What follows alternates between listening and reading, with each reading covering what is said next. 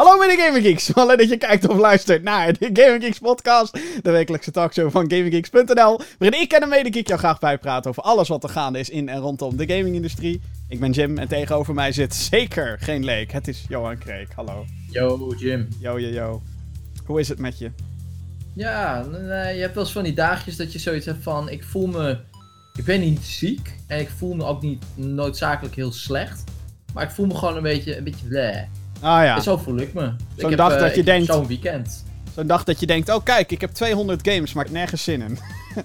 Ja, maar inderdaad. Ja. Gewoon eh, dat je ook echt nergens zin in hebt. Nee, nee dat, eh, dat kan kloppen. Maar voor de rest gaat het wel goed hoor. Nou, top. Eh, de, dit is de negentigste aflevering van deze show. Woe! Ja, het begint nou toch wel dichtbij te komen, al dat hele grappige 100. Nummer, nummer 100 gebeuren. Datum van opname is 13, nee, 14 juli 2019.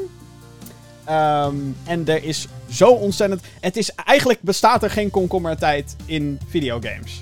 Bijna niet meer. Daar zijn we inmiddels over uit. Er komen te veel dingen uit. Er gebeuren ook nog steeds heel veel dingen. In ieder geval genoeg om jou weer een uur lang bij te praten. Dat kan natuurlijk. eh, als je dit trouwens wil meemaken, deze podcast. Nou, je bent er nu naar aan het luisteren. Dat kan op allerlei verschillende manieren. Dat kan via je favoriete podcastfeed, zoals Spotify, Google Podcast, Apple Podcast, etc. Maar we hebben ook een videoversie op youtube.com slash gaminggeeksnl.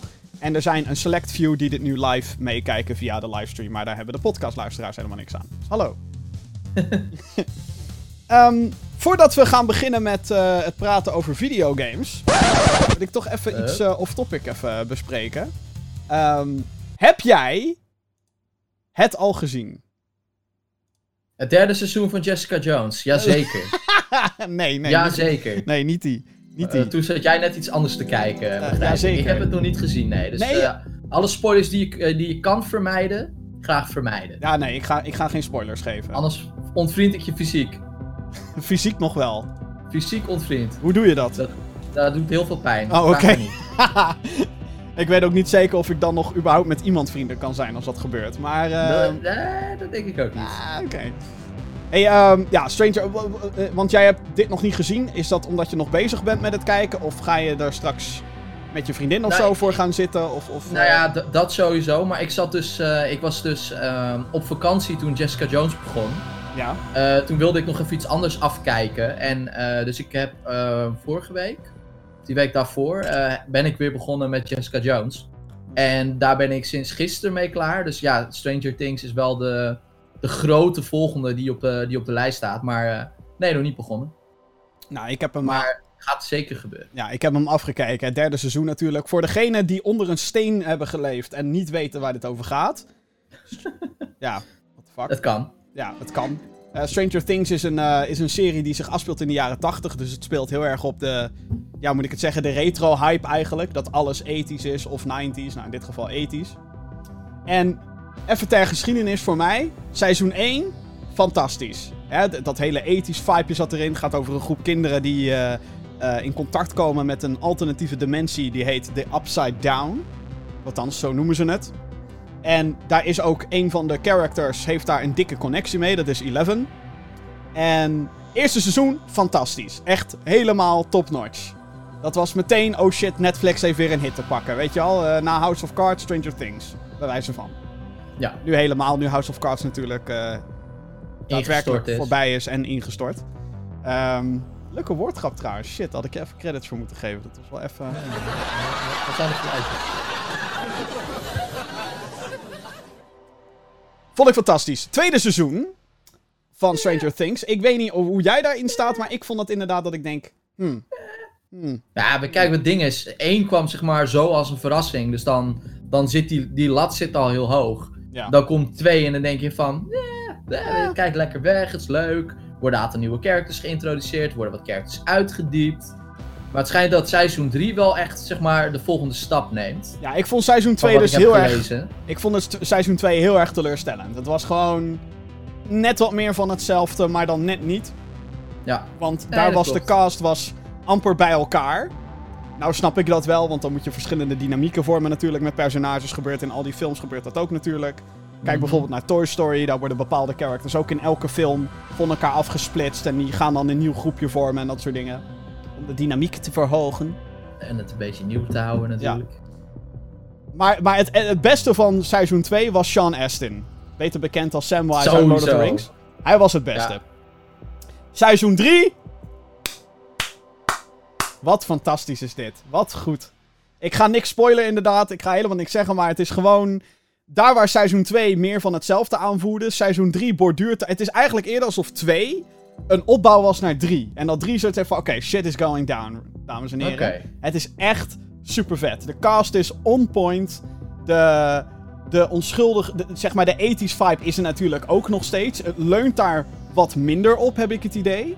Wat ik goed vind. Hè, er is dit keer geen Dragon's Lair cameo of dat soort shit. Tuurlijk, er zit heel veel 80s muziek in en heel veel. Hè, de- het, het speelt zich af in de jaren 1985 aan mijn hoofd. En er is één centrale locatie die je ongetwijfeld al in promomateriaal hebt gezien: de Starcourt Mall.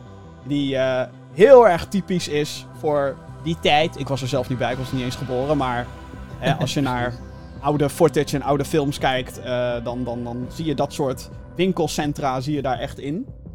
Eh, dus daar, daar leunt het heel erg op. Ehm, maar het is. eh, Kijk, ik vind het heel raar om, om Stranger Things vernieuwend te noemen. Want wat Stranger Things eigenlijk doet, is gewoon ideeën jatten van andere films en series. En dat Ja. nieuw maken. Dat Ehm, klopt. En dat doet het hier ook. Heel erg goed ook overigens. Gewoon de cast is on point. De nieuwe characters zijn fantastisch. De oude characters zijn weer. Die krijgen vaak een extra dynamiek. Er zijn wel wat personages die er soort van geforceerd in zijn geschreven. Omdat ze anders, ja. Wat moet je ze anders laten te doen doen? hadden. Eh, en ze worden dan een beetje zo van in het plot verworven. Ehm, dat is waarschijnlijk teleurstellend voor degene die fan zijn van die paar characters. Maar ik denk dat dat wel mee gaat vallen. Oké. Maar dit is, was echt. En eh, wat ik goed vind: Stranger Things 2 was een beetje terug, terug bij af aan het einde.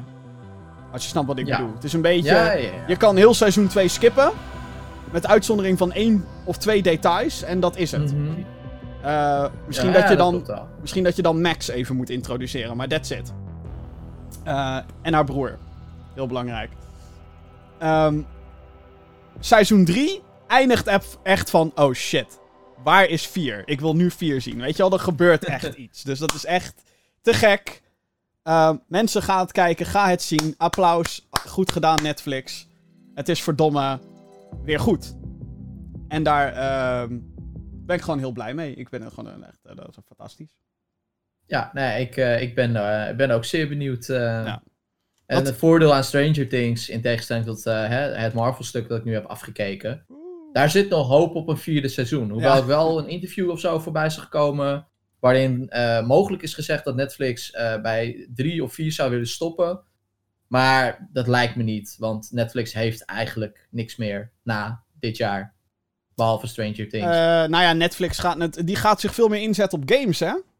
Dat Ja, wordt een en nieuwe dat, gimmick. dat is natuurlijk ook eh, omdat, omdat het streaming natuurlijk, dat wordt echt. eh daar weet ik niet of je dan in de gaming arena moet begeven, maar dat is dan weer een ander ding. Maar streaming wordt echt een oorlog. Ja. Nee, maar ik heb het over dus, ja. dingen gebaseerd op videogames, waar we straks al ja, toeltjes over hebben. IP's inderdaad. Maar- ze ergens anders gaan rondstrooien. The Witcher wordt wel een grote gok voor ze, denk ik. Ik denk dat ze heel erg willen dat The Witcher gaat slagen. Ja, En of Ja. dat gaat gebeuren, geen idee. Ik ben zelf... Ik heb... de- ja, ik weet het. Oh, Jim, schaam je kapot. Hoe durf je? Maar de games amper gespeeld. Eh, ja, ik en, ook niet. en ik weet dat de serie gaat zich niet zozeer baseren op de games, maar op de boeken. Boek. Ja, En ja, ik vind Henry Cavill dan op zich wel een goede keus, a.k.a. Superman.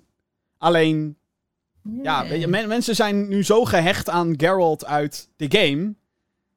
Ik weet niet of dan een Netflix-serie nu al een, een verstandige keuze is. En ik zeg nu al, omdat als je dit over tien jaar zou doen, is het weer een ander verhaal. Dan is de game ook alweer wat ouder en dan... ja, ja. Weet je wel? Hetzelfde heb ik een beetje met die Uncharted film.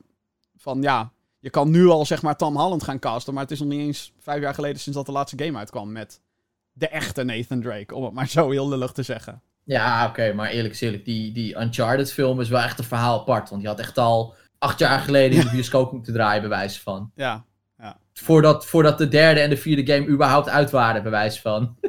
inderdaad, ja. ja. Dat was al na de eerste Kansloos game dat ze zeiden, we maken een film! Maar dat, ze- dat, er, er is een hele periode geweest dat ze bij elke game zeiden, we maken een film jongens, we maken een film, echt waar.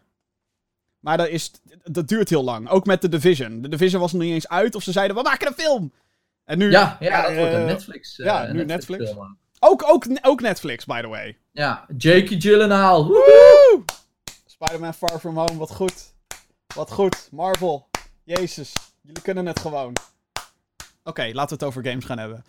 mijn, Games. mijn schuld, sorry. Ja, ehm, wat heb jij zitten spelen, Johan? Ik weet dat jij iets hebt zitten spelen, namelijk waar je het heel Ja, over dat, heb ik je van tevoren verteld, zodat je deze vraag kon stellen. Welkom Ik bij heb, de eh, improvisatiecast, dames en gespeeld. Oh, sorry. Wat heb je gespeeld? Judgment. Oh, Judgment. En eh, Judgment is de nieuwe game van de makers van de Yakuza games. Eh, die, die hebben, eh, volgens mij zitten we inmiddels op zeven Yakuza games. Ik heb ze allemaal nog nooit echt gespeeld. Ik heb wel eens zo'n dingetje gedaan dat je dan zo'n zo'n eh, minigame moet doen. En die, die game zit zeg maar vol met rare minigames. Het is heel Japans. En die studio die heeft, die heeft twee games geleden een nieuwe engine geïntroduceerd. De Dragon Engine. En daar draait Judgment ook op. En ze hebben gewoon gezegd van ja, die Yakuza games, dat is allemaal tof. Maar we willen eigenlijk iets gaan maken wat, wat meer voor het westerse publiek is. Eh, en eh, wat, wat eh, zich wel afspeelt in die wereld, maar wat qua verhaal compleet anders is dan de, dan de Yakuza games. En wat krijg je dan? Judgment, een game waarin je speelt als een agent slash private eye, die eigenlijk ook bij de Yakuza zat en heel veel met de Yakuza te maken heeft. Dus in hoeverre dit echt anders is, kan ik natuurlijk moeilijk zeggen, omdat ik de, de originele games niet heb gespeeld. Eh, wat ik wel kan zeggen is dat. eh, eh, nou, dit is mijn eerste kennismaking echt groots met een game als deze. En het is leuk. Het is Ja, echt- is het niet zo- leuk. Is het niet zo dat deze game zich in de Yakuza, Yakuza universe Ja, het is een afspeelt? spin-off. Ah, het is een spin-off in diezelfde, in diezelfde stad. Ja. Ehm, en ik weet niet of er ook nog knipogen zitten naar de bestaande reeks met. Jij zou dat ook echt niet weten. Die ken ik niet. Nee, Die precies. ken ik niet. Ja, ik zit, nu, Ehm. ik zit nu naar gameplay te kijken en het, het, lijkt, het oogt wel echt heel erg als Yakuza. Ik heb een Ja. beetje van de remake van 1 gespeeld. Kiwami. Kiwami. Ja, ja. Ja. Maar ik Ja, vind dat zeg maar zo dus frappant dat ze... Ja, ik vind dat zeg maar heel frappant dat ze dan nu een spin-off gaan maken die dan heel erg gericht is op het westerse publiek. Terwijl volgens mij Yakuza heel erg scoort ook hier. Zeker de laatste paar jaar heb ik het idee dat heel veel mensen praten erover. En heel veel mensen die... eh, Of heb ik dat dan mis of zo? Ja, nee, ik, ik, denk, ik denk dat, dat, die, eh, dat die reeks wel echt een soort van wat bekender hier is geworden. En het helpt natuurlijk ook dat die Kiwami eh, en die Kiwami 2 zijn uitgekomen. Ja. En volgens mij ook eh, Yakuza Zero of zo. Dat Ja, waren eigenlijk onze eerste, eh, ja, de echte westerse releases, zeg maar. Voor de rest was het altijd gewoon alleen Japan. En eh, de mensen die dat hebben gespeeld, die vinden dat volgens mij inderdaad wel tof. Eh, alleen eh, blijkbaar heeft die reeks nog niet die echte overstap gemaakt. En dachten ze ook dat het met Yakuza zelf niet ging lukken of zo. En komen ze nu met Judgment. En ja, je merkt wel aan alles. Alles wat ik zeg maar al wist van de Yakuza games, dat zit ook in Judgment. Dus die gekke minigames waar ik bijvoorbeeld over vertelde. Eh, je hebt een soort van VR-arcade ding. En je kan, eh, je kan kaarten. En je kan. eh, waarschijnlijk kan je straks nog dansen en zo. Alleen waar hier dan meer de focus op ligt, is dan het detective stuk. Want je bent dus een detective. En je moet, je moet ook af en toe dingen onderzoeken. Dus je krijgt een zaak. En het is, dan krijg je een beetje dat Ace Attorney vibeje. Dat je op een gegeven moment met iemand een gesprekje hebt en die zegt dan van... ja, maar kan je dat dan bewijzen? En dan heb je drie, vier foto's. En dan moet jij de foto laten zien die dan bewijst wat jouw punt is. Ah ja. En eh, af en toe heb je ook echt van die soort van. Ja, van die Ace Attorney-achtige eh, eh, animaties. Dat je echt denkt van, oh ja, oké, dit is wel echt. voor mensen die Ace Attorney trouwens niet kennen, dat is dan weer een reeks waarin je speelt als een, nou ja, je raadt het al, een advocaat, een attorney. En je allerlei zaken ook moet, moet oplossen door contradicties te vinden in statements van bepaalde verdachten en betrokkenen. En dat zit hier dus ook wel een beetje in. Maar waar de Yakuza-reeks ook heel erg onbekend staat, is de over-the-top eh, combat. En eh, ja, die zit in Judgment eh, ook gewoon compleet ingebakken. En dat, dat werkt allemaal wel lekker. Alleen ik heb het idee dat ik gewoon nog een beetje noob ben in dit type spel. En dat het allemaal, het, het, het beweegt allemaal wel goed of zo. Maar ik heb gewoon af en toe het idee dat ik bij vlagen gewoon het spel nog steeds niet helemaal snap of zo. Qua controls. Oké, oh ja. Ehm, ja. ja, goed, het gaat wel over. En eh, ik vind, ik, ja, het, het speelt gewoon heel lekker. Eh, eh, voice acting is gewoon goed gedaan. Ik heb hem dan in het Japan staan, maar het schijnt dat eh, de Engelse voice acting, dat die ook, dat die ook top-notch is. Dus ja, heb je zoiets van, ja, ik wil hem niet in het Japans spelen, dan kan het het zo ook in het Engels. En ja, ik heb toch wel een paar goede paar uurtjes in zitten. En ja, ik vind het wel leuk. Het verhaal is spannend. je, je character heeft genoeg laagjes. Dus ook daar zit zeg maar voldoende diepgang. Dus ik, ik ga dit wel afmaken. Ik ben, ben wel nieuwsgierig hoe dit afloopt ook. Oh ja. ja. Nee, het ziet er in ieder geval heel top uit. En inderdaad, ik denk voor fans van de Yakuza games... die gaan hier denk ik ook wel van genieten. Die, die, ja, misschien dat ze ook wel een keer... Als je dat vet vindt, dan ga je dit ook leuk vinden. Misschien ook wel een keer behoefte aan een ander hoofdpersonage. Want volgens mij, misschien met uitzondering van Zero... maar speel je elke keer met dezelfde dude... Oh shit. Oh, dat wist ik helemaal niet. Geloof ik hoor. Dus als je dat uh, 6,5 games uh, al hebt, dan snap ik dat uh, iets nieuws, maar dan met dezelfde over-the-top vibe die er is, dat dat dan wel leuk is of zo. Ja, ja, ja. Ik, ben alleen, ik ben alleen heel benieuwd hoe deze studio zeg maar nou het hele Yakuza en Judgment verhaal gaat voortzetten. Want ik weet, ik weet sowieso niet hoe groot die studio is. Maar dit was wel weer een grote game, zeg maar. Dus als je en een nieuwe Judgment moet gaan maken en een Yakuza 8. Ja, ja dan moet je die studio wel echt flink gaan uitbreiden. En dan moet je ook gaan oppassen dat als die twee reeksen echt naast elkaar gaan lopen. Ik zeg, laat die dingen in elkaar overlopen, gewoon cross. Uh, maar als die dingen naast elkaar gaan lopen, dan moet je wel zorgen dat die reeksen uh, los van elkaar kunnen bestaan. En als ik nu, zeg maar, wat ik weet van de Yakuza games vergelijk met Judgment, dan denk ik van, is het wel zo anders? Ja, misschien dat iemand die al die games heeft gespeeld mij gewoon klap in het gezicht geeft. En ja, dude, natuurlijk is het anders. Maar ja, ik zie het niet. Maar ja, nogmaals, ik uh, mag er ook eigenlijk niks over zeggen. Zou jij nu ook meer geneigd zijn om Kiwami bijvoorbeeld op te pakken na Judgment? Of zeg je van nou... Nou ja, dat was dus het ding. Ik wilde eigenlijk gewoon instappen met Kiwami, want die was in principe gewoon gratis. Uh, is en op PlayStation Plus gekocht. Ja, precies. Oh, oké. Okay. Oh. Um... heb, ik, heb ik gemist. Oh, uh, oh wat erg. Nou, oh, wacht, ja, hij zat dus in de plus. Oh, wat erg! Um, en uh, ja, ik weet niet, er, er, kwamen weer andere titeltjes uit, waardoor ik hier geen tijd voor had. En deze die kwam nou net uit op het moment dat ik zoiets had van... Ik heb niet per se iets, dus ik ga het gewoon eens proberen. En als het echt niks is, dan staat hij binnen 10 minuten gewoon op Marktplaats. Maar uh, ja, nou ja, kan toch? Ik bedoel... Gelukkig niet op de grijze markt. Oh, nee, precies. Nee, maar ik probeerde, ik probeerde mijn gaming horizon een beetje te verbreden. En deze studio heeft gewoon een hele goede track record. Die Yakuza games staan heel hoog aangeschreven. Dus ik dacht, ik begin met Judgment. Ja, nou, dat is een hele goede, denk ik. ook een goede timing ook, hè? Om dat in uh, juni uit te brengen. Ja, ja goede, goede Judgment, inderdaad. Met, uh... Top timing. Die, die, die verdient een beetje. Oké, uh, nou, terwijl jij je horizon aan het verbreden was, heb ik uh, juist even iets heel erg bekends opgepakt. Namelijk, Mario. dames en heren. Nee, bijna, bijna, bijna. Zonder Mario was dit er nooit geweest. Dat geldt voor heel veel games, maar deze in het bijzonder. Crash Team Racing Nitro Fueled. Oh, natuurlijk. Oh, mijn god, dames en heren. Um, heel eerlijk, hè, Mario Kart kennen we allemaal. Ik denk dat el elke ziel kan Mario Kart spelen. En toen, vroeger, op de PlayStation 1 in 1999. Als ik het uit mijn hoofd goed heb. Ja, 99. Toen kwam er een spin-off van Crash Bandicoot, platformmascotte van PlayStation. Nou, wat doe je dan? Je gaat ook een mascotte racer maken. Crash Team Racing. En uh, vroeger heb ik die wel eens gespeeld bij, zeg maar, vrienden die wel een PlayStation hadden. Mm -hmm. Was vaak omgebouwd, waren vaak gekopieerde discs. Dat was vroeger de normaalste zaak van de wereld. Ik, ik, weet het. en uh, best wel veel gezien. Nooit heel veel gespeeld, omdat ik geen idee had hoe het moest natuurlijk. Ik was dan veel meer thuis in de Mario Kart. Maar hè, nu is er een remake uit. En mag ik één ding zeggen? Activision, ik kan heel veel op jullie bitchen. Met mm -hmm. name over Call of Duty Black Ops 4 en hoe jullie dat product compleet de grond in hebben ge gestampt. Door nou ja, meer, je meer druk te maken over microtransacties en dat soort bullshit. In plaats van een goede game neerzetten. game, ja. Maar de remakes die ze de laatste paar jaar doen. Ik ben heel erg positief verrast over hoe dat allemaal is uitgepakt tot dusver. Crash Bandicoot en Sane Trilogy. Fantastisch. Spyro schijnt super goed te zijn. Ik heb hem op mijn plankje staan, maar nog helemaal geen tijd gehad. Van wat ik heb gespeeld in ieder geval. Top. Gewoon Spyro 1, 2, 3. Gewoon lekker. ja. ja.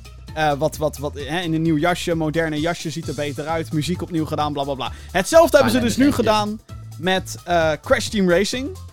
Uh, en wat het dus eigenlijk. Het, het is heel makkelijk om natuurlijk te zeggen. Het is een clone. Het is, eh, ja, het is, het is Mario Kart, maar dan met Crash, eh, Crash Bandicoot characters. Ja. En nou is dat wel zo, waar het niet dat, eh, en dit viel me op, eh, in, eh, in de game, ik, er zijn weet ik hoeveel modi in het spel. Je kan online, je kan Grand Prix doen, time trials, de hele, de hele bende. Wat ik ook heb gedaan, eh, of wat ik alleen maar heb gedaan eigenlijk, dat is de, mode. ja, de adventure mode. Waarin je dus daadwerkelijk door een map heen gaat, alsof je in een platform game zit. En je gaat, ehm, je moet allerlei verschillende races doen. En ook boss battles en dat soort dingen. Super vet. Ja. Ik weet nou eigenlijk niet wie het nou eerder deed. Diddy Kong Racing of Crash Team Racing. Zou ik moeten opzoeken. Ja, ik ook. Ga ik ondertussen even doen. Ja. Ik weet wel dat Diddy Kong en... Nou, volgens mij was Diddy Kong Racing eerder, toen de tijd, in de jaren 90. Maar goed, whatever. Ehm, het is heel vet, want je, je gaat dus allerlei levels lang, je hebt een open wereldje. En je denkt, ik zet die game op normal, hè, ik ga lekker racen, kart racer, boosts, missiles, allemaal van dat soort best wel cliché dingen natuurlijk. Ja. Alleen deze game kikt je ass. het is echt, het is fucking moeilijk, yo. en Maar je hebt online gespeeld of je hebt tegen mensen gewoon Nee, op de couch. Nee, gewoon de computer. De computer? Ja, kijk, weet, weet je wat het is? Bij, bij Mario Kart, hè, eh, ik heb nog niet eens één race gestart of je zet die shit al op 150 cc. Ja, tuurlijk. Weet je wel, dat is van eh, Nintendo, kom op. Maar als je van Mario Kart hier naartoe gaat en je zet die shit op normal, dan Ja. word je al best wel flink tegengewerkt door allerlei tegenstanders. Oké. Maar dat komt Dus ook die AI is wel lekker. Die AI is wel lekker. Het is. eh, natuurlijk voel je je keihard genaaid als je vlak voor een finish een. eh, hè, wat, wat, wat in Mario Kart dan een blauw of een rood schild zou zijn, dat is dan hier Mhm. een, een raketje. Ja. Dan voel je je wel genaaid als daardoor de winst van je afgepakt wordt. Maar. ehm, ja, het, het- het- de game heeft veel meer. Bijvoorbeeld het boosten, het turbo boosten. Ja. Als je gaat sliden.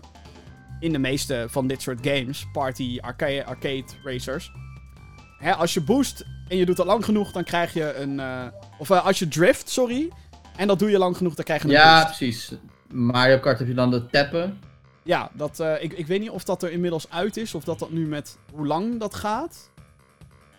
Whatever, de allerbeste ooit Double Dash had dat je moest tappen, inderdaad. Ja, inderdaad. Crash Team Racing heeft een nog iets ingewikkelder systeem. Als je daar namelijk gaat driften, op het moment dat je dat doet, dan moet je ook eerst weer een sprongetje doen. Dus dan moet je ook rekening mee houden dat je eh, niet zo dik een bocht neemt dat je helemaal niet meer kan driften om een bocht heen. Ehm, of dat je, hè, als je dat te scherp doet.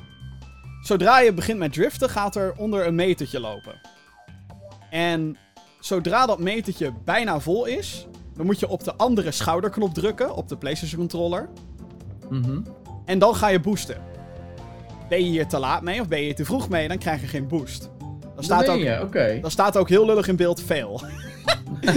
wat ik, wat Een ik, van risk-reward-achtige eh, mechanic. Dus. ja, en, en er is dus ook een timing kwestie. Je kan een hè, redelijke drift boost krijgen. Je kan een goede drift boost krijgen. En je kan een perfect drift boost krijgen. Dat niet alleen. Zodra je de eerste hebt gepakt, gaat dat metertje weer opnieuw. En dan kan je een tweede doen. En daarna kan je nog een derde doen. Alleen, hoe langer je dat doet natuurlijk, hoe langer je dan in die drift moet zitten. En dat kan niet goed uitkomen met het circuit of met de objecten die voor je neus zijn. Om Ja, dus dat vond ik wel cool. Dat ik dacht, oké, dit is wel echt... Dit, dit heb je niet binnen twee minuten gemasterd, zoals Mario Kart. nee. Oké. Interesting. Ja, nee, ik, ik, ik was al een beetje aan het schelden eigenlijk in het eerste uur. Want ik dacht, godsamme, het lukt me gewoon niet. Het is, ja, het, is, het, het zijn de eerste vier races. En ik heb er gewoon moeite mee. Ehm, Ja, dus ik, ik, het is aangenaam, maar ook de, de graphics, hoe het eruit ziet. Het is echt dat je denkt, wauw, damn. Ja, ik heb inderdaad die comparisons gezien, zeg maar, van die levels dan uit 99 versus eh, deze levels. En ja, ze, ze hebben, er zit wel liefde in, zeg maar. Ze hebben niet zomaar, ze hebben niet zomaar wat in elkaar geflanst. Nee, Ze nee. zijn wel echt trouw gebleven aan, aan, het, aan het source material, zeg maar. Ja, maar dan echt super mooi uitgebreid. En ook alle character Ja. models en hoe dat dan allemaal in elkaar overvloeit. De felle kleuren. Het is zo. Het is echt een feestje, zeg maar. Dat je denkt: oh damn. Eh, dat is wel even een stapje vooruit op. Ja, zelfs Mario Kart 8. Wat misschien logisch is, want Mario Kart 8 kwam uit op de Wii U. Dat is inmiddels... Ja, precies. Hoe oud is die game? Het is best wel een oude game eigenlijk, als je Ja, het is eigenlijk nadenkt. echt een oude game, ja zeker. Dat is 2015 of zo zal het zijn. Ik denk het, ja. ja. Ja, het was nog tijdens de Wii U en dan kwam die nog even op Switch gepoord, maar... Ja, en dan, dan heb je dit en dan alle muziekjes zijn geremaked, de stemmetjes zijn opnieuw ingesproken en, en alles klopt gewoon in het spel, lijkt wel. Het is natuurlijk op basis van één uur spelen nu. Maar dat je meteen denkt, oh man, het is dat het zo moeilijk is, anders ging ik nog even doorspelen, voordat er een controller door de kamer heen gesmeten werd. maar het is echt, eh, ik ben heel erg verrast hoe, nogmaals, hoeveel liefde en, en hoeveel aandacht er hier ingestoken wordt. Terwijl je zou denken, yo, cash grab, mensen houden van Crash. Hup, Ja, ja, nee, maar ik hoorde erin. ook dat bijvoorbeeld de framerate en dat soort dingen, de performance is ook echt supergoed. Ja, nou, het draait op 30 op PS4. Ehm, ik weet niet hoe het op Switch draait. Hij is ook op Switch. Ik ben benieuwd hoe die versie eruit ziet. Ehm, Ik ook. En ja, natuurlijk is het dan jammer dat hij op... Ik, trouwens, de basis PS4, niet PS4 Pro of dat soort shit. Ehm, maar is deze ook op PC trouwens? Volgens mij is deze niet op PC, wat ik heel frappant vind eigenlijk. Eh, het zal nog wel komen dan. Ja, misschien wel. Nee, klopt. Deze, deze was dan weer alleen voor console. Maar die releases sowieso zijn een beetje raar geweest van die, van die, eh, van die remakes, remasters van de afgelopen jaren. Want eh, die Spyro game die kwam geloof ik wel tegelijkertijd op Switch uit. Maar die Crash game die kwam weer een, een jaar later naar Switch. En Oh, ook nee, die- Spyro komt nog naar Switch. Oh, die, kwam komen. Oh, oké. Dan, haal ik twee- dan haal ik die twee door En elkaar. volgens mij was het zo. Crash Bandicoot, de trilogy, zeg maar. De remake van de eerste drie games kwam in het eerste jaar exclusief op PS4. Ja. Waarschijnlijk ook omdat Sony daar wat geld in had gestoken toen om dat te laten maken. Lijkt me. Mhm. Ehm, en toen zei Activision, eh, oké, prima. Jaartje exclusief? Ja hoor, jaartje exclusief. En daarna kwam die inderdaad naar PC, Switch, Xbox. Spyro kwam uit voor PS4 en Xbox, geloof ik. Oh ja, dat was En het, komt ja. in september naar Switch en PC. Ja. En nu hebben we dus... Ze gaan steeds een stapje meer platforms. Dus eerst alleen PS4, toen PS4 en Xbox. Nu PS4, Xbox, Switch. En dan moet de PC-versie nog komen. Dus, dus de volgende die komt gewoon in één keer op alle platforms uit. Overigens. Nee, want dan komt hij een jaar later naar Stadia. Oh ja, natuurlijk. Nee, maar Die dit vond dus ik... uit 97. Oh, oké. Ja, dus die Ja. was echt wel eerder. Fucking geweldige game. Ja, nee, maar ik, ik, ik heb dus zoiets van... Yo, Activision, eh, maak even meer 90s remakes, wil je? Eh, opeens zie ik een Tony Hawk remake wel weer zitten, of zo. Ik weet niet of ze dat moeten doen, want... Nou ja, goed, Tony Hawk's Pro Skater HD was kut. Tony Hawk's Pro Skater 5 was echt heel kut. Oh. Ja, dat was echt een drama. Maar, nou, wie weet, wie weet, wie weet, wie weet... kunnen ze daar nog wat van gaan maken. Het schijnt dat Mr. Hawk wel weer met een nieuwe game bezig was, hè? Maar niet, niet meer met Activision. Nee, nee. En, en ik zou ook... zien. En ik zou ook vooral zeggen, hé hey jongens, eh, andere platform mascotte dingetjes, breng ze maar weer terug. Doe maar een remake. PlayStation Ja. doet het ook een beetje. Met Evil komt uit natuurlijk. Dus eh, ja, zin in. Heel leuk. Ik, ik wil, wil, wil dit weer door gaan spelen. Maar ik heb zo'n idee dat het alleen maar nog moeilijker wordt. Eh, dat eh, lijkt me wel, ja. Goed, tot zover een beetje de games die we gaan spelen. Zometeen gaan we het nog hebben over eh, Splinter Cell. Die komt misschien terug.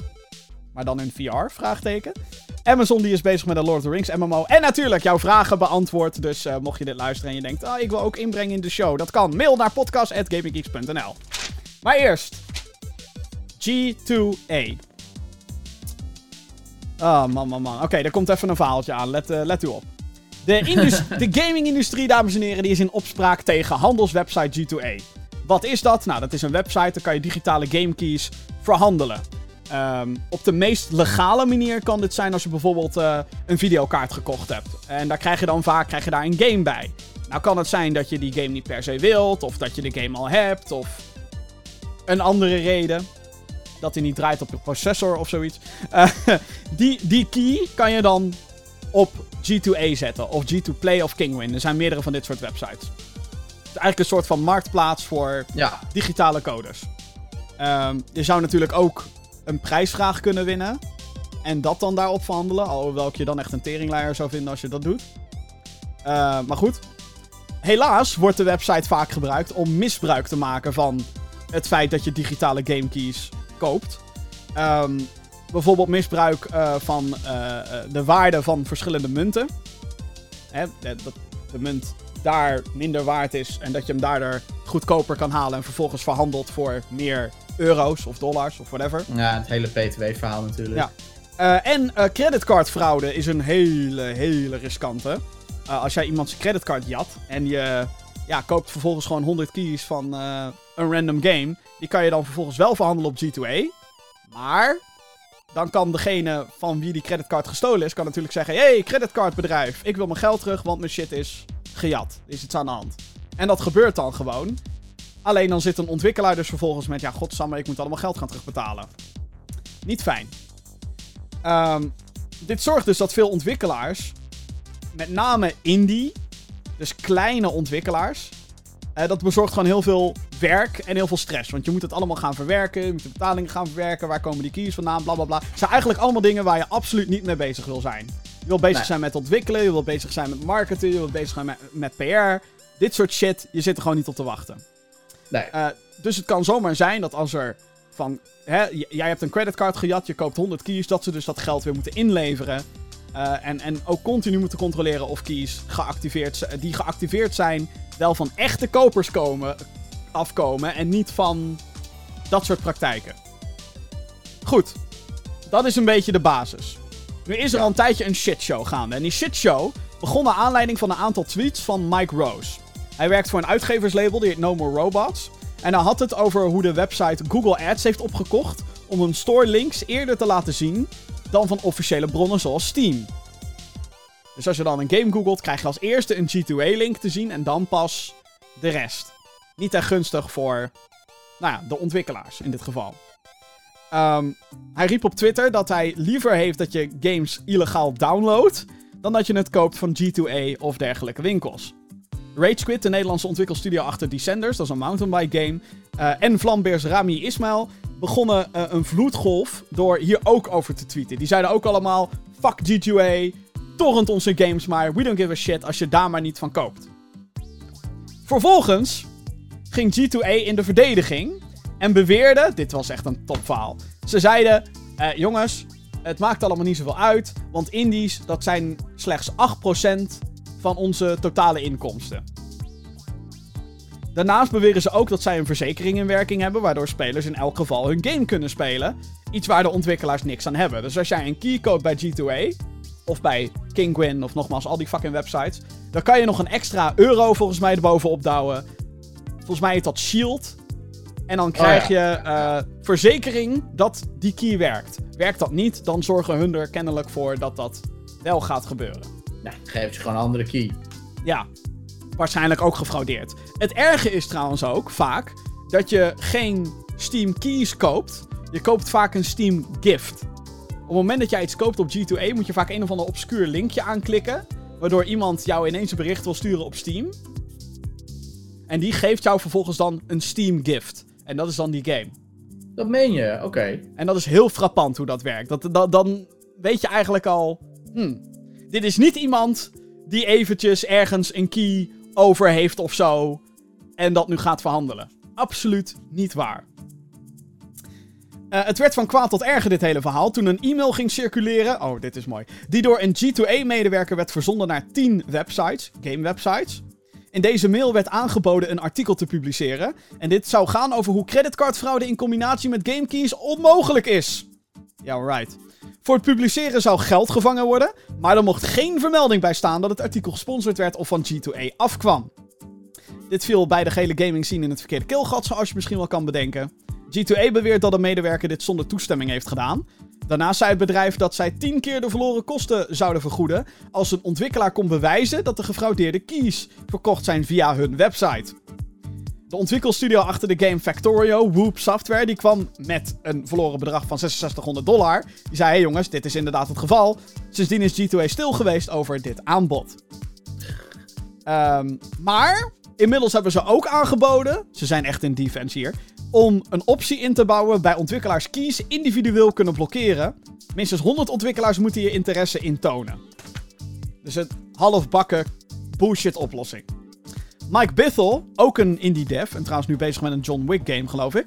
Reageerde op Twitter uh, op deze functie met uh, het volgende. En dit zijn quotes. Ik werk niet voor jou, G2A. Het is jouw taak om klanten te beschermen tegen het kopen van onbevestigde keys, niet die van mij. Ik sta niet achter of werk met grijze markten. Of mensen die in het geheim willen betalen voor positieve pers. Het farmen van Steam gifts door bots is het probleem. Niet de keys zelfs, maar dit wisten jullie al. Kortom, dames en heren, fuck G2A. En ik vond dit belangrijk om het hierover te hebben. Want ik krijg best wel vaak in deze podcast krijgen we regelmatig mailtjes. Koop jij wel eens van G2A, bla bla bla bla bla. Ja. Mocht je het inmiddels nog niet doorhebben na dit hele boekwerk. G2A is een slijmerig kutbedrijf. Die eigenlijk misbruik maakt van allerlei situaties om geld af te troggelen. En dan maakt het wat mij betreft niet eens uit of het van indie-ontwikkelaars komt, of van EA, of van Ubisoft. Als je keys daar koopt, is de kans heel groot dat het van de vrachtwagen gevallen is, zoals ze dat dan heel mooi willen verwoorden. Maar het is gewoon gejat. En degene waar het geld naartoe behoort te gaan, krijgen er niks voor terug. En dit vormt gewoon een probleem. Alles is voor Bassie in dit geval. Ja. En Bassie is G2A. Ja, en de verkoopmensen. De mensen die daadwerkelijk verkopen. Maar G2A Ja, krijgt daar natuurlijk precies. een deel van. Dus Ja, Steam krijgt hier niks van. Epic krijgt hier niks van. EA niet. De ontwikkelaars niet. Niemand niet. Behalve inderdaad G2A en degene die het verkopen op G2A. Maar ja, wie zegt dat G2A zelf niet achter dit soort zaken zit? Want ze zijn het heel heftig aan het verdedigen. Ja. Heel heftig. Ja. Ja, nou ja, ik bedoel, het is hun broodwinning. Dus eh, ik snap Ja. dat, eh, dat ze inderdaad, dat ze zich in allerlei eh, ja, situaties wenden. Om te zorgen dat, dat, ze, dat ze iets positiever uit de hoek kunnen komen. Maar ja, eh, kijk, da- daarom noemen ze het de grijze markt. Kijk, er zullen ongetwijfeld ook, even advocaat van de duivel. Er zullen ongetwijfeld ook keys op die, op die website worden aangeboden. Die inderdaad zijn van mensen die zoiets hebben van. Oh ja, ik heb een nieuwe grafische kaart gekocht. eh fuck dit spel, ik hoef het niet. eh, ik zet het op een marktplaats. Zoals je dat ook kan doen met als jij een PlayStation koopt, een PlayStation bundle, waar dan knak bij zit. Dat je zegt, van, ja, knak, flikker op. Ja. Ik zet knak, zet ik lekker op marktplaats en die hoef ik niet. En eh, alleen het probleem is inderdaad dat dat gewoon, en het is niet de eerste keer dat G2A in opspraak komt, eh, in combinatie met de grijze markt. Het is gewoon grijs en er is gewoon, er is geen transparantie. En dat verhaal wat jij net vertelt over die, die, die gifts, die Steam gifts, dat wist ik niet eens. Nee, nee ja, dat, eh, dan moet je... What the fuck? Ik heb namelijk, ja, ook ik heb ooit van G2A. Want weet je, ik kan mensen, en dat, dit is het naeinde. Je kan mensen bijna niet blamen dat ze iets kopen van G2A. Je bent op zoek naar een game. Je wil natuurlijk dingen zo goedkoop mogelijk hebben. En dan kom je op zo'n website terecht.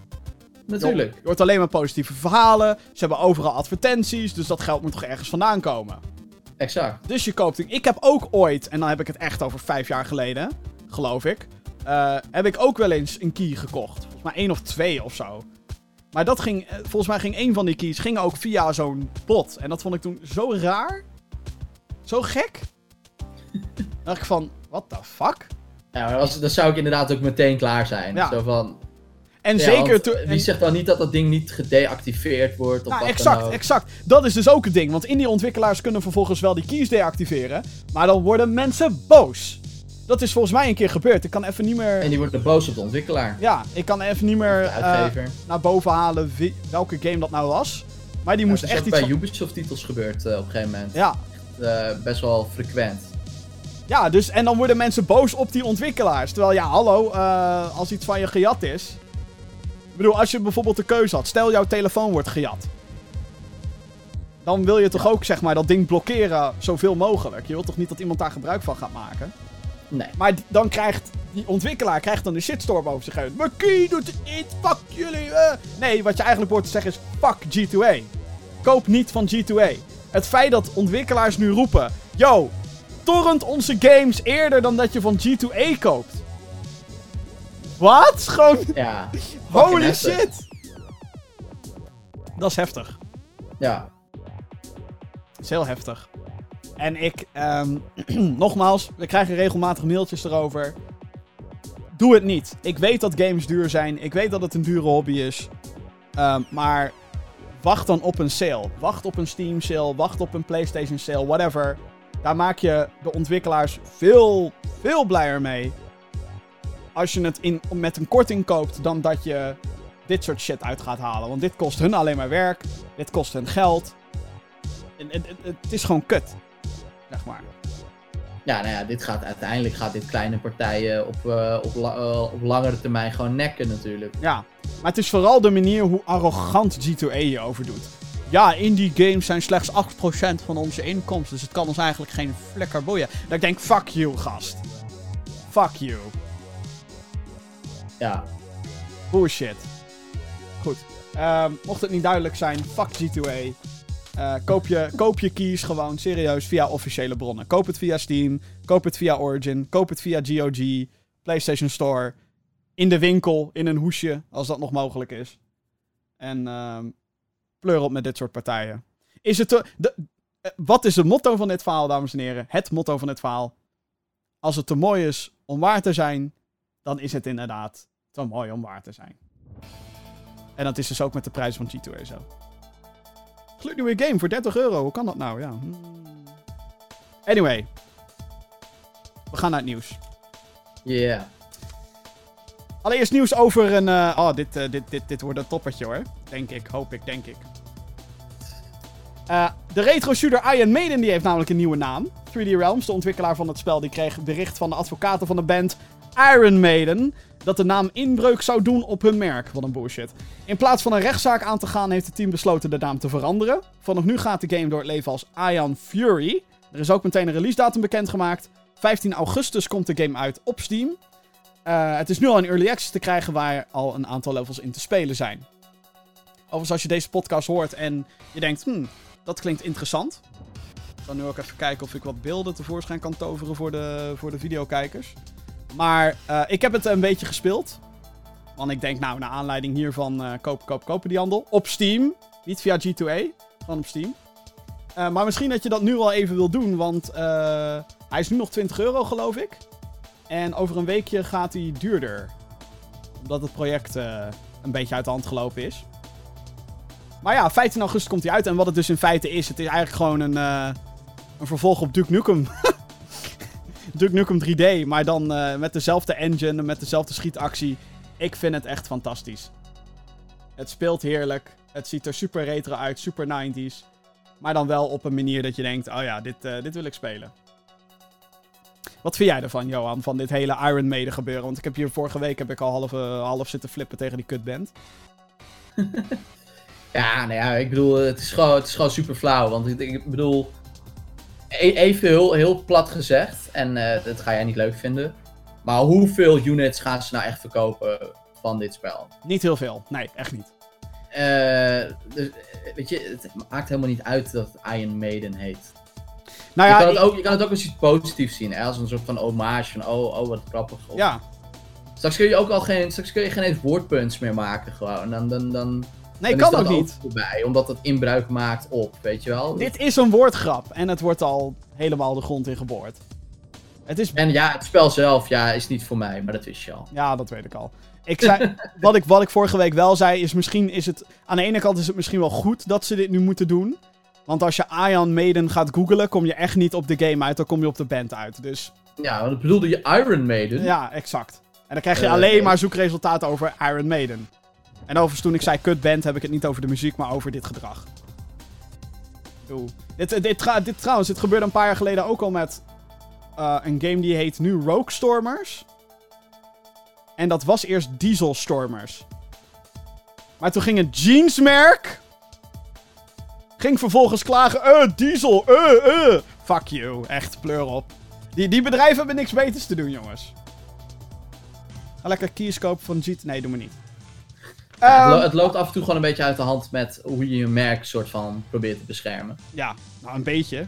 Uh, understatement, denk ik. Een beetje boel. Een beetje heel erg. Uh, dan uh, nieuws van Nintendo. Na wekenlang aan geruchten en lekken. Jawel, het is eindelijk zover, dames en heren. De Nintendo Switch Lite is aangekondigd. Het is een compactere versie van de console slash handheld hybride.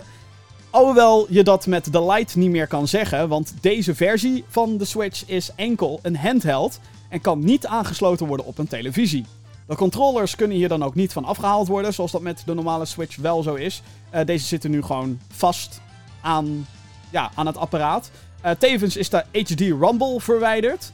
De richttoetsen zijn vervangen door de klassieke D-pad. En bij Nederlandse retailers is de handheld te bestellen al voor 230 euro in drie verschillende kleuren. 20 september verschijnt hij en er komt ook nog een speciale editie voor Pokémon. Maar Ja. ja, of dat dan een bundel is, volgens mij is het alleen een speciaal kleurtje. Ja, volgens mij is, ja, is alleen de Switch. Ik zou denken van, zet dat ding dan voor geïnstalleerd erop of zo. Dat hebben ze in het verleden ook al gedaan met die, eh, met die 2DS en 3DS bundels. Ja, ja. Maar volgens mij is dit inderdaad gewoon een kale Switch Lite. ja. Wat gek Maar ja, is. eh, maar hij moest er natuurlijk een keer komen, dit. Ja, wat vind je ervan? Ik, eh, ik heb er een beetje gemengde gevoelens over. Aan de ene kant, kijk, eh, als het er eenmaal op neerkomt, is het fucking slim. Want eh, ik weet nog wel, wij vonden de 2DS met z'n allen fucking lelijk. Het was een klote ding. Het haalde de 3D weg. Het was een inferieur apparaat. Maar daardoor wel een stuk goedkoper. En volgens mij daardoor een groot succes. Juist voor, oh hé, hey, mijn kleine broertje wilt ook. Ja, nee, precies. Maar vooral ook als je gaat kijken, zeg maar. Eh, wat, wat, wat, ik, eh, wat mij heel erg opvalt. Ik lees natuurlijk ook best wel veel reviews en dat, soort dingen. En als het op Switch games aankomt, dan heb je eigenlijk eh, drie soorten reviews. Je hebt een review waar iemand in zowel handheld als docked de game probeert. Ja. Je hebt iemand die eigenlijk alleen maar docked speelt. En je hebt iemand die alleen maar handheld speelt. En ook gewoon qua consumenten. Zijn natuurlijk gewoon mensen die zoiets hebben van. Ja, weet je, ik hoef dat ding helemaal niet op mijn televisie of zo. Ik vind gewoon. Ik wil gewoon een Zelda in de trein spelen. En, en eh, dat, mag, dat, dat hoeft geen 330 euro te kosten. Want hè, zo duur is ongeveer de Switch nu. Eh, dus ja, ik denk dat er een enorme markt is voor mensen die, die dit ding gewoon in hun eh, broekzak, de zaakjes, gewoon mee willen nemen. En gewoon à la een Game Boy, een, Nintendo DS. Gewoon, ja, gewoon lekker spelletjes willen spelen. En ik denk dat, dat menig persoon onderschat hoe groot die markt is. Ja, Ik denk, Dat, dat heel veel games op die manier ook ineens een nieuwe doelgroep gaan krijgen. Eh, en ja, eh, ik bedoel, als je erover nadenkt, is het heel slim. Want uiteindelijk release Pokémon dus wederom als handheld game.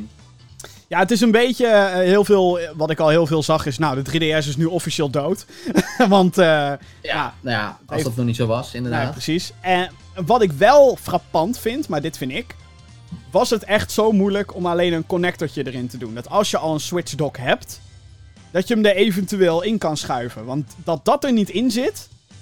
Vind ik gek. Ik snap het. Controls vast. Logisch. eh, compacter. eh, meer batterijduur zou het eh, zijn. Maar hij is even dik ook trouwens. Het is niet alsof hij dunner gemaakt is. Dus. En volgens mij is zijn schermgrootte exact hetzelfde. Dus. Waarom. Ja, het scherm is kleiner. Oh, het scherm is kleiner. Oh, Ja. Wel, wel Maar- echt iets kleiner ook. Ik snap niet dat ze dan niet alsnog zo'n connectortje erin hebben. Dat als je al een dock hebt, of je hebt zoiets van: hey, ik wil misschien alsnog op de televisie spelen en ik wil zo'n Pro-controller kopen. Hè, kan Nintendo weer een dock aan je verkopen? Kunnen ze weer een controller aan je verkopen? Dat, dat elimineren ze nu eigenlijk compleet. Wat Ja, een beetje maar- maar zelfmoord daar, is in Daar is dit apparaat niet voor. Ja, maar dat vind ik dus gek. Je zou kunnen zeggen, hé, hey, ik heb een Switch Lite, ik wil uitbreiden. Naar televisie, naar mensen op de bank, naar meer controllers. En dat, Dan moet je die, Die- dure kopen. ja, maar dat, dat, dat sla je nu een beetje af aan diegenen die eerst de Lite hebben en daarna willen uitbreiden. En dat vind ik raar, dat ze niet eens die optie bieden. Eh, ik snap dat ze, zeg maar, zoveel mogelijk eruit willen slopen, zodat, zodat het eh, goedkoper wordt. Ja. Maar dat Ja, connectortje... weet je, de echte techniek van de Switch zat natuurlijk eh, voornamelijk in die Joy-Cons.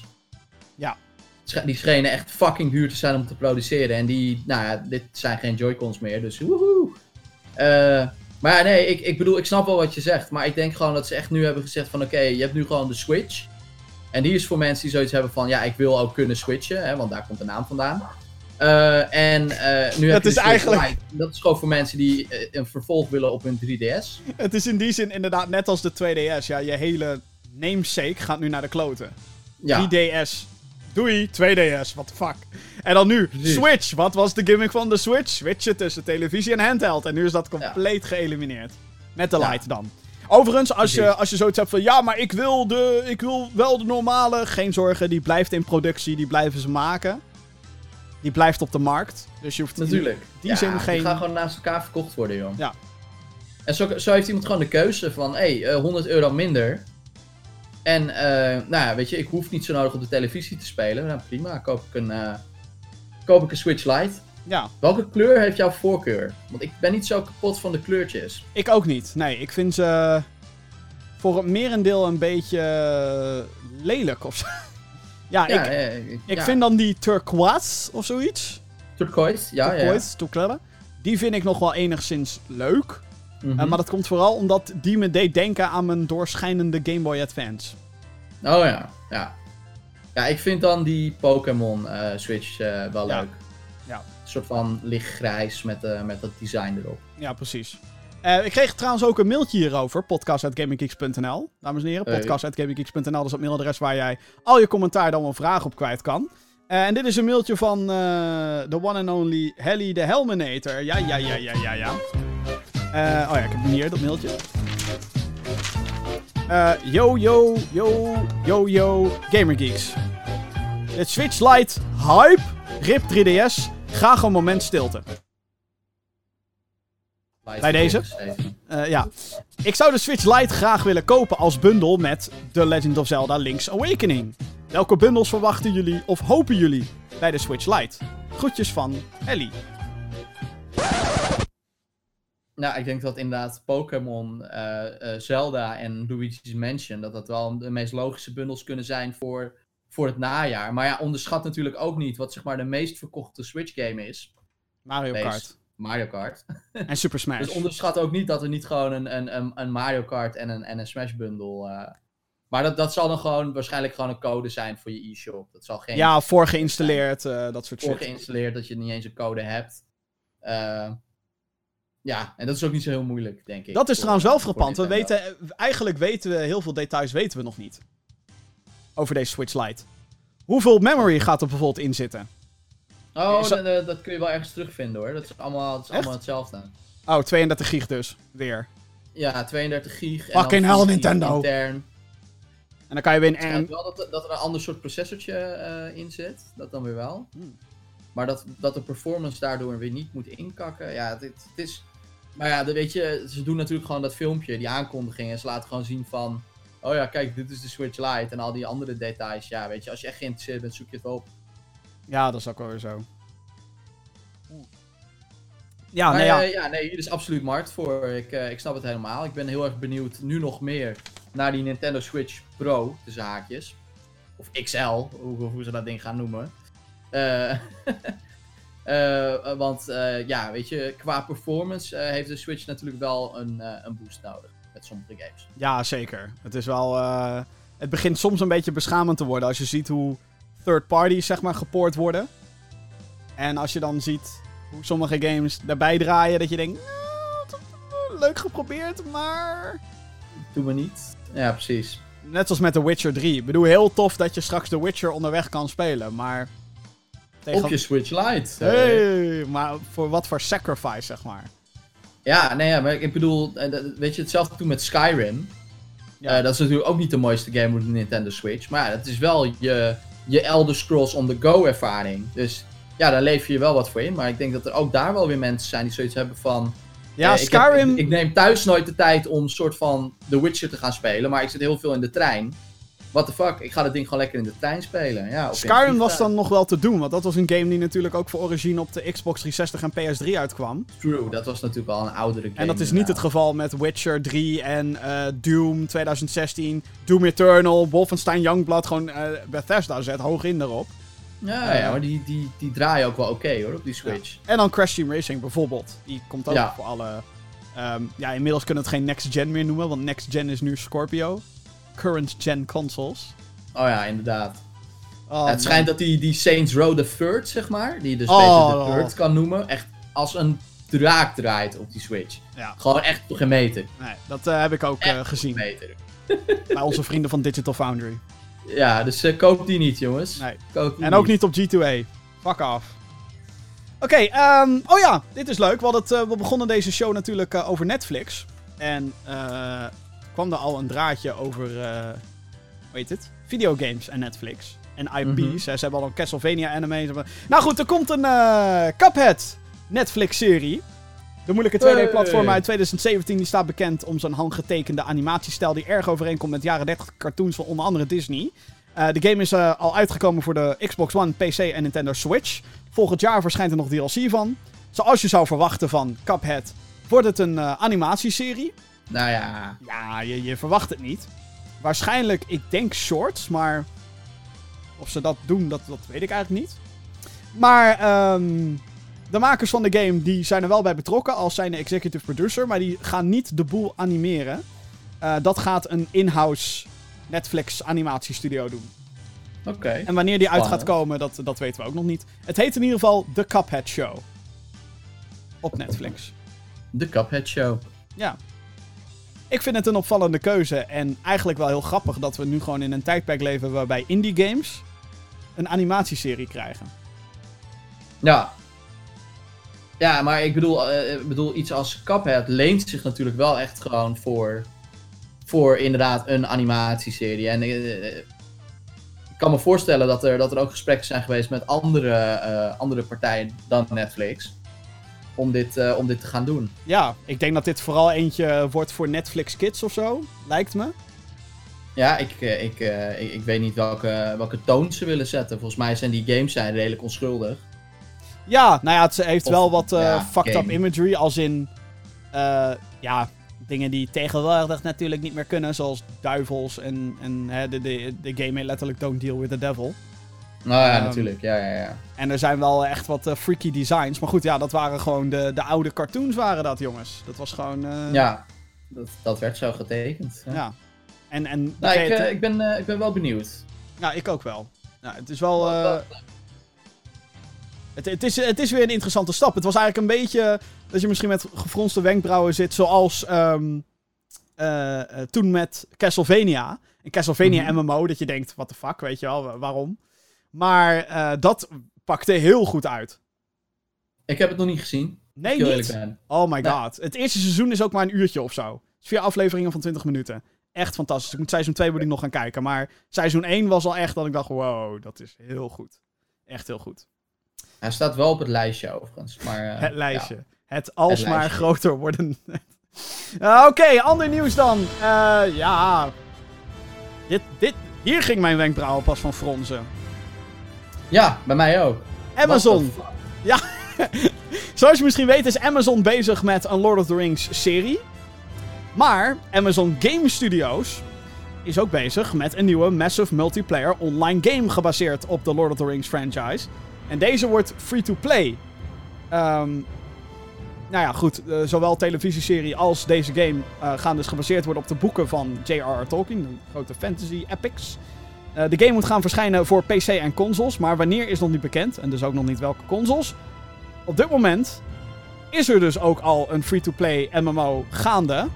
Namelijk Lord of the Rings Online. En die is gewoon nog steeds, je verwacht Levende. niet, online. Sterker nog, ja. volgens mij is daar vorig jaar of twee jaar geleden is daar nog een expansion voor uitgekomen. Oh, dat zou best kunnen. Ja, ja die shit die, uh, die is gewoon nog steeds live. Ja, stay in the lab. Dus ja. Ja, uh, dit is vet, toch? Dit is vet. Ja, ik, vind, uh, vind je het vet? Nou ja, ik ben, ik ben heel erg benieuwd. Want ik bedoel, Amazon Game Studios. Ik bedoel, als, jij, als je hun googelt, uh, dan komt daar niet heel veel uit, zeg maar. Ik bedoel, ze hebben ooit... Zijn ze heel groot in gaming gestapt en wilden ze allemaal, allemaal dingen gaan doen. Uh, en uiteindelijk zijn er niet echt heel veel projecten, volgens mij, correct me if I'm wrong, die, die daar uitgekomen zijn. Dus ze hebben bijvoorbeeld een game gemaakt voor de Grand Tour. Ja. Omdat ze die serie natuurlijk ook hebben, of dat programma. Uh, maar als ik nou echt een Amazon Game Studio game moet noemen, geen idee. Um, maar dit is natuurlijk wel slim om ook gewoon zeg maar het feit dat je dus die televisieserie hebt, om dat dan te combineren met zo'n game. Ik bedoel, die dingen die vermarkten elkaar, zeg maar. Ja, het is wel, ik vind het wel weer ik weet niet wat ik moet, wat ik moet bedenken bij het hele free-to-play MMO-gehalte. Want dan. Ja, gewoon een beetje Guild Wars-achtige. Ja, ik weet dus niet of dat gaat werken. Ja, of, je, of je sluit gewoon Lord of the Rings online en je maakt dat weer helemaal modern. Maar ja, dan ben je waarschijnlijk ook al basically bezig met het bouwen van een nieuwe game. Mm -hmm. um, die overigens nog best wel veel gespeeld wordt ook, Lord of the Rings online. Volgens mij zitten er gewoon uh, concurrent op Steam in ieder geval sowieso nog 5000 spelers op, op elk moment van de dag online. Dus dat is wel... Dat is niet eh, dat het helemaal verlaten is of zo. Nee, precies. Nou ja, ik bedoel, eh, de echte fans die, die komen alleen maar op die manier aan het trekken natuurlijk. Ja. Ik bedoel, je vindt Helm's Deep niet in eh, World of Warcraft. Nee, nou wel heel veel locaties die daarop lijken. Maar precies. Maar niet the real thing, zeg maar. Wat ik me wel ik ben afvraag... wel eh, nieuwsgierig naar. Ja, wat ik me wel afvraag is, hoe zit het nou met de licenties van Lord of the Rings? Heeft Warner Brothers het nog? Of heeft Nee. Amazon dat nu... Nee, nee, Warner heeft dat niet meer. Echt? Al twee jaar niet meer. Ja, Die hebben toen ruzie gekregen met, eh, met de Tolkien Estate. Oh, wat let op de familie van, eh, van Tolkien. En daar, daar, daar was een of ander dispuut of zo, weet ik veel wat. En ze zijn die rechten zijn ze kwijtgeraakt. Echt waar? Ja. Oh, wat erg. Ja. Wat de fuck doet Monolith dan nu? Shadow of Mordor 3 komt er dus niet meer. Ja, nee, ik, weet, ik weet dus niet hoe dat dan weer zit. Want ik bedoel, Monolith is natuurlijk wel van Warner. Ja. Eh, en eh, volgens mij kwam Shadow of War kwam ook al uit toen die, eh, die rechtszaak al soort van beslecht was. Maar ze hebben, in principe hebben ze volgens mij het Tolkien-IP mogen ze niet meer gebruiken. Wauw. Maar het kan ook gewoon zijn dat ze niet de naam The Lord of the Rings mogen gebruiken. Dat kan ook natuurlijk. En Nee, maar als, als Gollum en zo zit in, in... Dat mag dan toch ook niet? Dat lijkt me gewoon wel ik zou denken voor niet. Ik ga dat, eh, ik ga dat straks opzoeken. Ik ben wel benieuwd hoe dat zit, ja. Ja. Het is heel, heel rechte dispuut, bla bla bla. Eh, wordt, eh, het wordt er niet gemakkelijker op in ieder geval. Nee. Nee. Nee. Het is een beetje, een beetje gekke zaak. Ja, ik ben, ik ben heel benieuwd.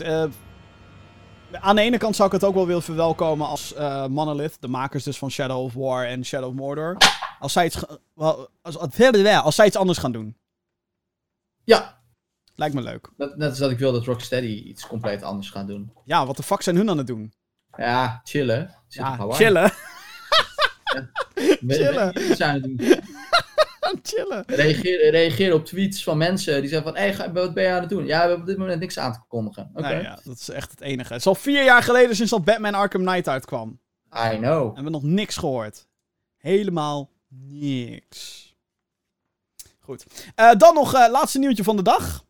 Of van deze week. Heeft te Ja, maken met die. Ubisoft. Volgens website The Information zou Facebook namelijk gaan samenwerken met Ubisoft.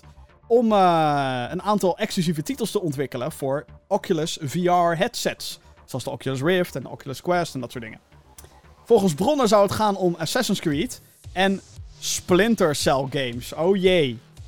Ubisoft heeft al eerder geïnvesteerd in VR-titels. Eh, ze hebben er vier uitgebracht: Eagle Flight, Star Trek Bridge Cruise, Space Junkies en Transference. Deze kwamen overigens uit op alle VR-platforms. Dus PlayStation VR. Die Werewolf game, toch? Oh ja, die hebben ze ook nog gemaakt, ja. Ja, die staat niet groot op hun website. Ik denk dat daar wel een reden voor is. Maar inderdaad, dat soort titels. Ehm, en die kwamen allemaal uit op alle VR-platforms. Dus HTC Vive, Oculus en PlayStation VR. En vooral die laatste natuurlijk, want PlayStation VR is de grootste op dit moment. Fuck hun hoor, echt. als, dit doorga- als, als dit zo is. Want dit is, Fuck hun. dit is niet bevestigd nog, dit. Nee, beter dat het niet bevestigd is, maar fuck hun. Hoe lang zit ik al op die fucking, fucking Splinter Cell game te wachten? Oh ja, we vinden het gevaarlijk om een Splinter game te maken omdat de, de eisen van de fans zo hoog zijn. Nou, de eisen van de fans zijn in ieder geval niet van geen die shit op VR. Dat sowieso niet. De- die, zit, die zitten daar niet. Eh, Ongelooflijk. Idem voor Assassin's Creed trouwens. ja, kijk, als, Waarom zou je twee, twee games, zeg maar, twee franchises die zo mainstream zijn, afbakenen binnen een VR-omgeving? Dat is toch Ja, het, is niet, het is niet zo dat de volgende grote Assassin's Creed game, dat dit het is. Dat is gewoon niet waar. Het is gewoon een spin-off. Ja, maar fucking splinters. Godverdomme. Maar weet je wat ik dus hier heel frappant aan vind? Ook nog eens, erbovenop. Alles. Waarom met Oculus in zee gaan? Ik snap het, geld. Joepie. En Facebook heeft waarschijnlijk zoiets van... Kut, we verliezen het keihard van PlayStation VR. Help. Data? We hebben exclusieve games nodig of zo. Eh, dus denk ik dat, dat Oculus zegt hier geld en maak games. Als dit nogmaals zo is, want dit is niet bevestigd. Door zowel Oculus niet als Ubisoft niet. Ehm, Ik denk dat het gaat om data. en ik vind het dan ook heel frappant dat mensen nu niet fucking boos zijn. Want hè, we hebben nu een hele discussie rondom de Epic Game Store en hoe zij exclusives Oh. hebben. En dan ga je ook nog eens, play, eh, ga je ook nog eens VR-exclusives. Dat vind ik trouwens zo raar. Waarom zou je als VR-ontwikkelaar dingen exclusief op één VR-headset pleuren? We hebben Ja, het hier de over... markt zo klein is. Ja, we hebben het over een markt die op dit moment uit max alles bij elkaar opgeteld, I'm not even kidding, volgens mij 10 miljoen is of zo. 10 miljoen headsets. In totaal. En dan is PlayStation VR is de allergrootste, volgens mij met 4. Ja. Dus misschien ben ik al te royaal als ik zeg dat er 10 miljoen VR-headsets in the wild zijn, in de handen van consumers. Dus, eh, eh, ah, what the fuck. Ja, Kijk, wat ik zeg, de enige reden die ik kan bedenken is dat, dat Ubisoft bepaalde data zoekt. Eh, en Facebook heeft die data natuurlijk. Dus dat, dat, dat, zou, dat zou voor mij de enige logische keuze zijn. Want ja, om die twee franchises nou af te bakenen op een op. Blah, blah. Op een Oculus platform. ja, Ja, nee, dat, eh, nee. Nee, vind ik een dom idee. VR is gewoon nog te duur, jongens. VR is te duur. En het is sowieso restrictive, want niet iedereen kan VR spelen. Het is een consumentenproduct, Assassin's Creed en Splinter Cell. Gewoon mainstream. En dan zeg je van, "Eh, we brengen het uit op een Oculus die niemand heeft. Nou, kijk, Omdat weet je, vanuit, is. vanuit Oculus snap ik het heel goed. Want je moet, eh, hoe heet het? Zij Games moeten hebben. IP's hebben, dat Ja. snap ik. Maar ja, vanuit Ubisoft zou ik het dan niet snappen. Nee. Of is het een exclusiviteitsdeal die dan een jaartje duurt en dat het een jaar daarna naar PlayStation VR en HTC 5 komt? Ja, dat zou ook nog kunnen. Maar nogmaals, als dit waar is, niks van dit is bevestigd. Dus Nou, beter. het zou zomaar, zomaar zo kunnen zijn. eh. Jongen, Serieus, jongen, jongen. Echt wat een kut, sorry. Het zou toch wat zijn, na al die jaren. Splinter Cell. op de Oculus. En dan veredelde tech demo of zo ook. Ongetwijfeld, ja. De meeste VR-games zijn sowieso veredelde tech-demos. Daar word ik ook helemaal moe van. Maar goed, dat ben ik. De mail. Eh, ja, we hebben natuurlijk al een mailtje behandeld. Podcast.gaminggeeks.nl. Nogmaals, als jij Ja, vragen hebt voor de show. Podcast.gaminggeeks.nl. Heb ik ook nog een eh, mailtje van Justin. Eh, beste Gaming Geeks, op welke game zitten jullie te wachten die uit gaat komen deze maand of volgende maand? Dus juli of augustus. Nou, dan kan je wel een hele... Heb je, heb je even? Ik kan een hele wishlist kan ik maken joh, uit eh, juli en augustus, verdomme. Nou ja, juli valt bij mij gelukkig heel erg mee. Het enige wat ik zou willen spelen is die nieuwe eh, EA Original, dat eh, Sea of Solitude. Nou ja, die is al uit Dat inderdaad. eh 5 juli uitkwam. En voor augustus heb ik eigenlijk Control heel groot in, mijn, in mijn kalender gemarkeerd. De nieuwe game van Remedy Entertainment. Woe! Makers van Quantum Break en Max Payne. Of. Max Payne ook. Ja, Ja, ook. 1 en 2. En Al- Alan Wake. Alan Wake natuurlijk. Ja, ja, ja, ja, ja. Ik ga nog even heel snel kijken wat er nog meer in augustus uitkomt. Nou, ik zit ook al te kijken.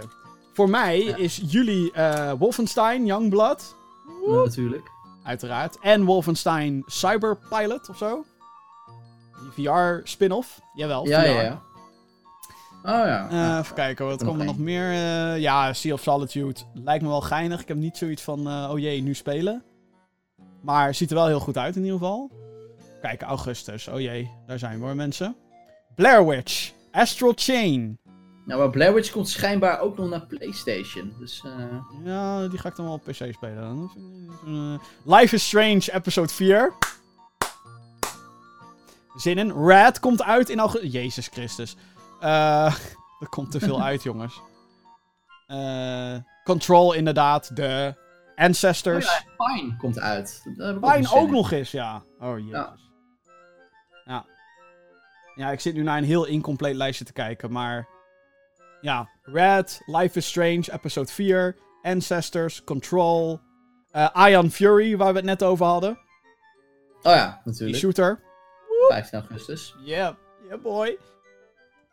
En ik heb het idee dat, dat, er, dat er nog meer... Oh, ehm die komt volgens mij ook eind augustus. Die, eh, van de makers van Until Dawn. Oh, Man of Medan. Ja, of die, ja, ja, ja, ja, ja, ja. Bla, bla. Ik weet nog niet hoe je het uitspreekt, maar die Dark Pictures eh, Ja. shit. Ziet er fantastisch uit. Heeft multiplayer. Oh my Ja. god. Ja, die komt er ook aan inderdaad. Oh my god. Het najaar begint al in augustus, dames en heren. Als je denkt, Supermassive Games, ja. Ja, daar ben ik ook echt heel nieuwsgierig naar. We vonden het al overdreven als de supermarkt in augustus al pepernoten de zaak in pleuren. Nou, eh, op, op een release kalender is het niet anders. Kom maar op met die pepernoten. Hoppakee. Het najaar begint in augustus. En Gamescom. Ook heel veel zin in. Maar dat eh, is natuurlijk geen game. Dat zijn heel Nee. veel games op één plek. Heel veel games. Jeetje mina. Oké, ehm, nou dan zijn we denk ik eh, al klaar ermee een beetje. Denk nou, ik. mooi. Het zit er weer op. Ja. Prima. Ehm, mocht je dit leuk vinden, denk je, hé, hey, deze show, daar heb ik, eh, ik heb ergens wel gegniffeld. nou, ik zou zeggen, eh, abonneer je via deze show, eh, of via deze show, op deze show, via je favoriete podcastdienst. Denk aan Google Podcast, Spotify, Apple, iTunes, hoe het tegenwoordig ook heet. Ehm, als je daar een recensie kan achterlaten, doe dat ook. Vijf sterretjes. Als je dat vindt natuurlijk ook. Daarmee help je ons ontzettend om in de algoritmes van al die lijsten te komen en dat soort dingen. Dan worden, vinden meer mensen me, dan kunnen we meer, meer, meer, meer, meer, kunnen we meer Meer doen. bereik. Eh, we hebben ook een videoversie overigens. Die kan je vinden op youtube.com slash gaminggeeksnl. Als je onze hoofden wil zien bijvoorbeeld tijdens het discussiëren. Dan zie je hoe teleurgesteld Johan er net uitzag met Splinter Cell VR. Of boos. Of boos. Hashtag boos. Ook leuk. En eh, al het nieuwe, allerlaatste gaming nieuws, dat kan je natuurlijk vinden op gaminggeeks.nl. Waar nu onder andere zeven Nintendo Switch previews staan. Ik heb een eh, jezus. zooi aan Nintendo Switch eh, meuk gespeeld. Die het aankomende jaar uitkomt. Waaronder Luigi's Mansion 3, Pokémon. En Marvel Ultimate Alliance 3 heb ik gespeeld. Astral Chain heb ik gezien. Luigi's Mansion heb ik gespeeld. Oh my god. Ga dat checken. GamingGeeks.nl. Laatste gaming nieuws. En natuurlijk ook release overzichten. We hadden het net over gigantische lijstjes. Die lijstjes kunnen nog groter. Elke week posten we een overzicht op. eh, nogmaals, die Meer. mooie website. GamingGeeks.nl. Goed. Tot zover. De 90ste aflevering van de Gaming podcast. Bedankt voor het kijken en wel het luisteren. Vergeet niet, podcast.gaminggeeks.nl. Dat is het mailadres waar jij je vragen kwijt kan. Thanks. En tot de volgende. Later.